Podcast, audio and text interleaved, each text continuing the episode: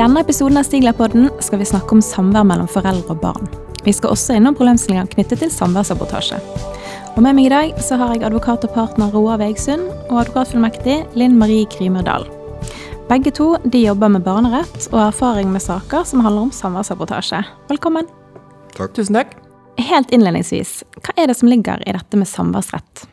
Samværsretten handler om foreldre og barn sin rett til å ha kontakt med hverandre og ivareta sin eh, relasjon. Det, det anses som det beste for barnet å ha kontakt med begge sider av familien. Da både mor og far, eventuelt medmor eller medfar. Mm.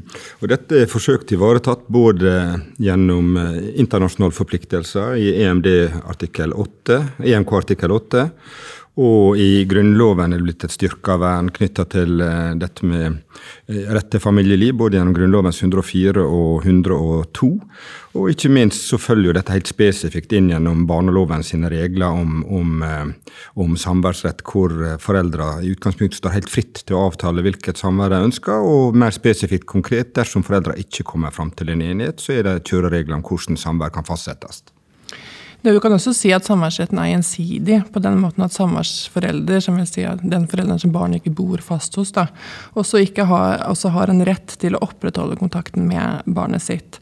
Og Da det jo, ligger det et ansvar på begge foreldre å legge forholdene til rette for at slikt samvær kan gjennomføres.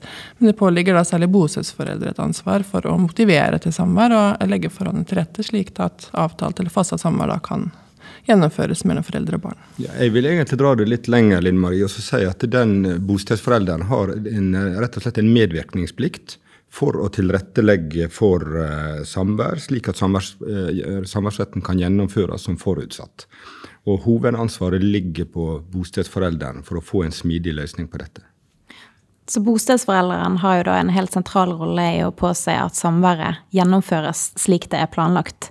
Men likevel så ser vi jo mye i media at ord som samværssabotasje brukes. Og det ligger jo litt i ordet hva samværssabotasje er, men kan dere si noe om hva det innebærer rent sånn rettslig? Eh, begge foreldrene er jo forpliktet til å forholde seg til denne avtalen som de selv har blitt enige om, eller som har blitt fastsatt eller bestemt ved hjelp av eh, rettsapparatet. Og det er først når avtalt eller fastsatt samvær ikke gjennomføres uten at det kan vises en rimelig grunn for det, at det kan være snakk om slik samværssabotasje. Eh, det kan da enten være bostedsforelder som ikke leverer barnet til avtalt samvær, eller samværsforelder selv som ikke møter opp.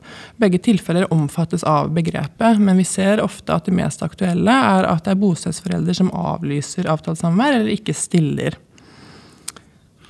Og i, eh, I, disse sakene med, med samværssabotasje så er det selvfølgelig et ulikt bakteppe om hva, hva dette skyldes. Svært ofte så blir barnet skubba foran og blir argumentert med at barnet har en vegring for å gjennomføre samvær. Men terskelen for å motsette seg og, og lovlig holde tilbake til et barn fra samvær, det er betydelig høyere. Der snakker vi om umulighetskriteriet for å gjennomføre samvær. Men i denne sammenheng så er det likevel viktig å si at det er viktig å undersøke hvilke forhold som ligger bak vegringen til barnet. For det kan være forhold som ligger der som eh, eh forsvarliggjør da, en stans, midlertidig stans eller en totalstans av, eh, av samvær, ettersom det da eventuelt ikke er til barnets beste. Men uavhengig av eh, slike vegringer da, hos barn, så ser man jo i hverdagen at det kan oppstå hindringer eh, som gjør at den opprinnelige planen for samvær ikke lar seg gjennomføre. Og hvor store endringer eller hindringer er det egentlig som skal til før man kan kalle det en sabotering av samvær? Eh, det er flere grunner til at eh, avtalt samvær kan utgå av praktiske grunner, slik som sykdom hos barn eller forelder eller annen mulighet. Vi har eh, bl.a. koronasituasjonen, som har bydd på flere praktiske utfordringer de som, for de som må forholde seg til en samværsavtale. Eh, I flere tilfeller så ser vi at samværstider må flyttes på eller utgå helt. Og det kan jo selvfølgelig oppleves krevende eller urettferdig for den enkelte, men det er ikke slik at dette automatisk kan kalles en eh, sabotering av eh, samvær.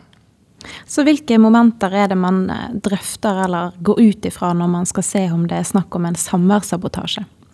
En må foreta en helhetlig vurdering der hvor det er flere ulike forhold som, eh, som må vurderes opp mot hverandre. Man ser jo bl.a. på hyppigheten av, av, avlysninger. Er det snakk om et par ganger, eller er et, kan vi se et mønster her?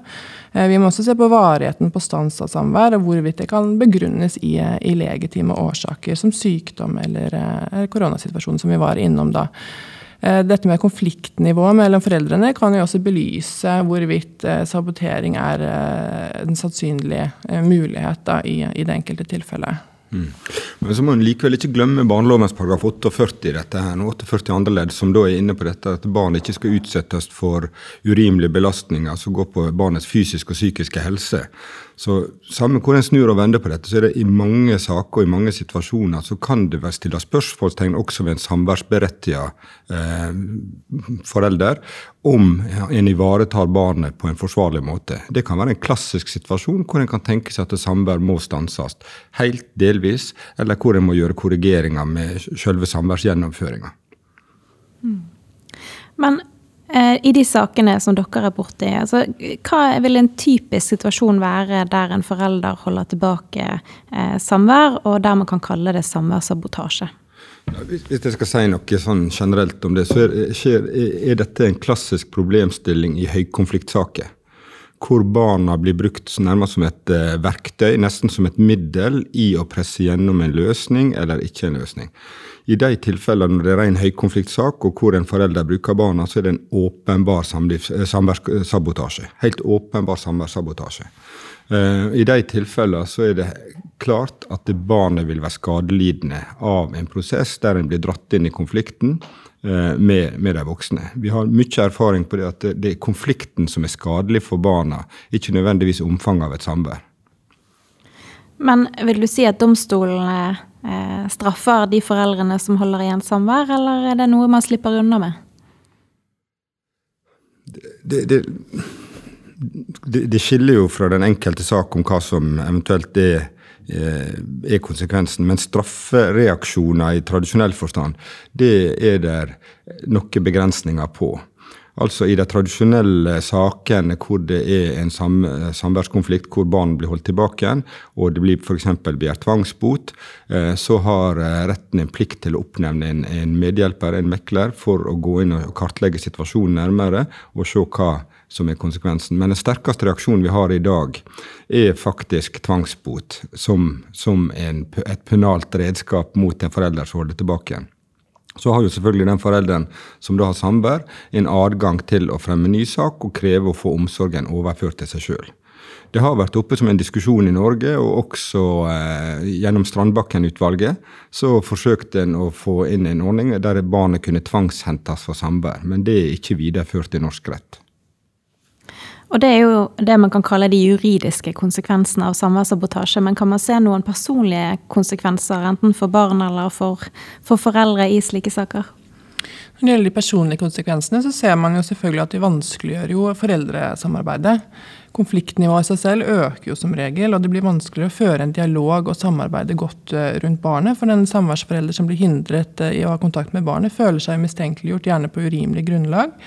Eh, og føler seg da tilsidesatt som, eh, som omsorgsperson. En ser jo gjerne at det også påvirker barnets innstilling da, til begge foreldrene. og Særlig så blir jo forholdet til samværsforeldrene skadelidende, alt avhengig av hvor eh, lenge eh, de hindres fra å ha kontakt med hverandre. da. Eh, man ser gjerne at eh, samværsforeldrene blir fremmedgjort, som kan skape en utrygghet og usikkerhet hos barnet selv. Gjerne de minste, som er avhengig av en viss hyppighet i samværene for å beholde tryggheten og ivareta den relasjonen de har til samværsforelder. Og Det kan da by på utfordringen hvis man kommer til et tidspunkt hvor eh, relasjonen skal bygges opp igjen. hvis man kommer dit da. Så det har, kan ha fatale konsekvenser for et barn, som både på kort og på lengre sikt, som man absolutt bør være klar over. Er dette noe lovgiver er bevisste på, eller ser man en utvikling i, i praksis i disse sakene? Jeg vil si at eh, Norge ligger vel kanskje i grenseland til om en har effektiv nok lovgivning knytta til eh, tvangsmidler når det gjelder samværssabotasje.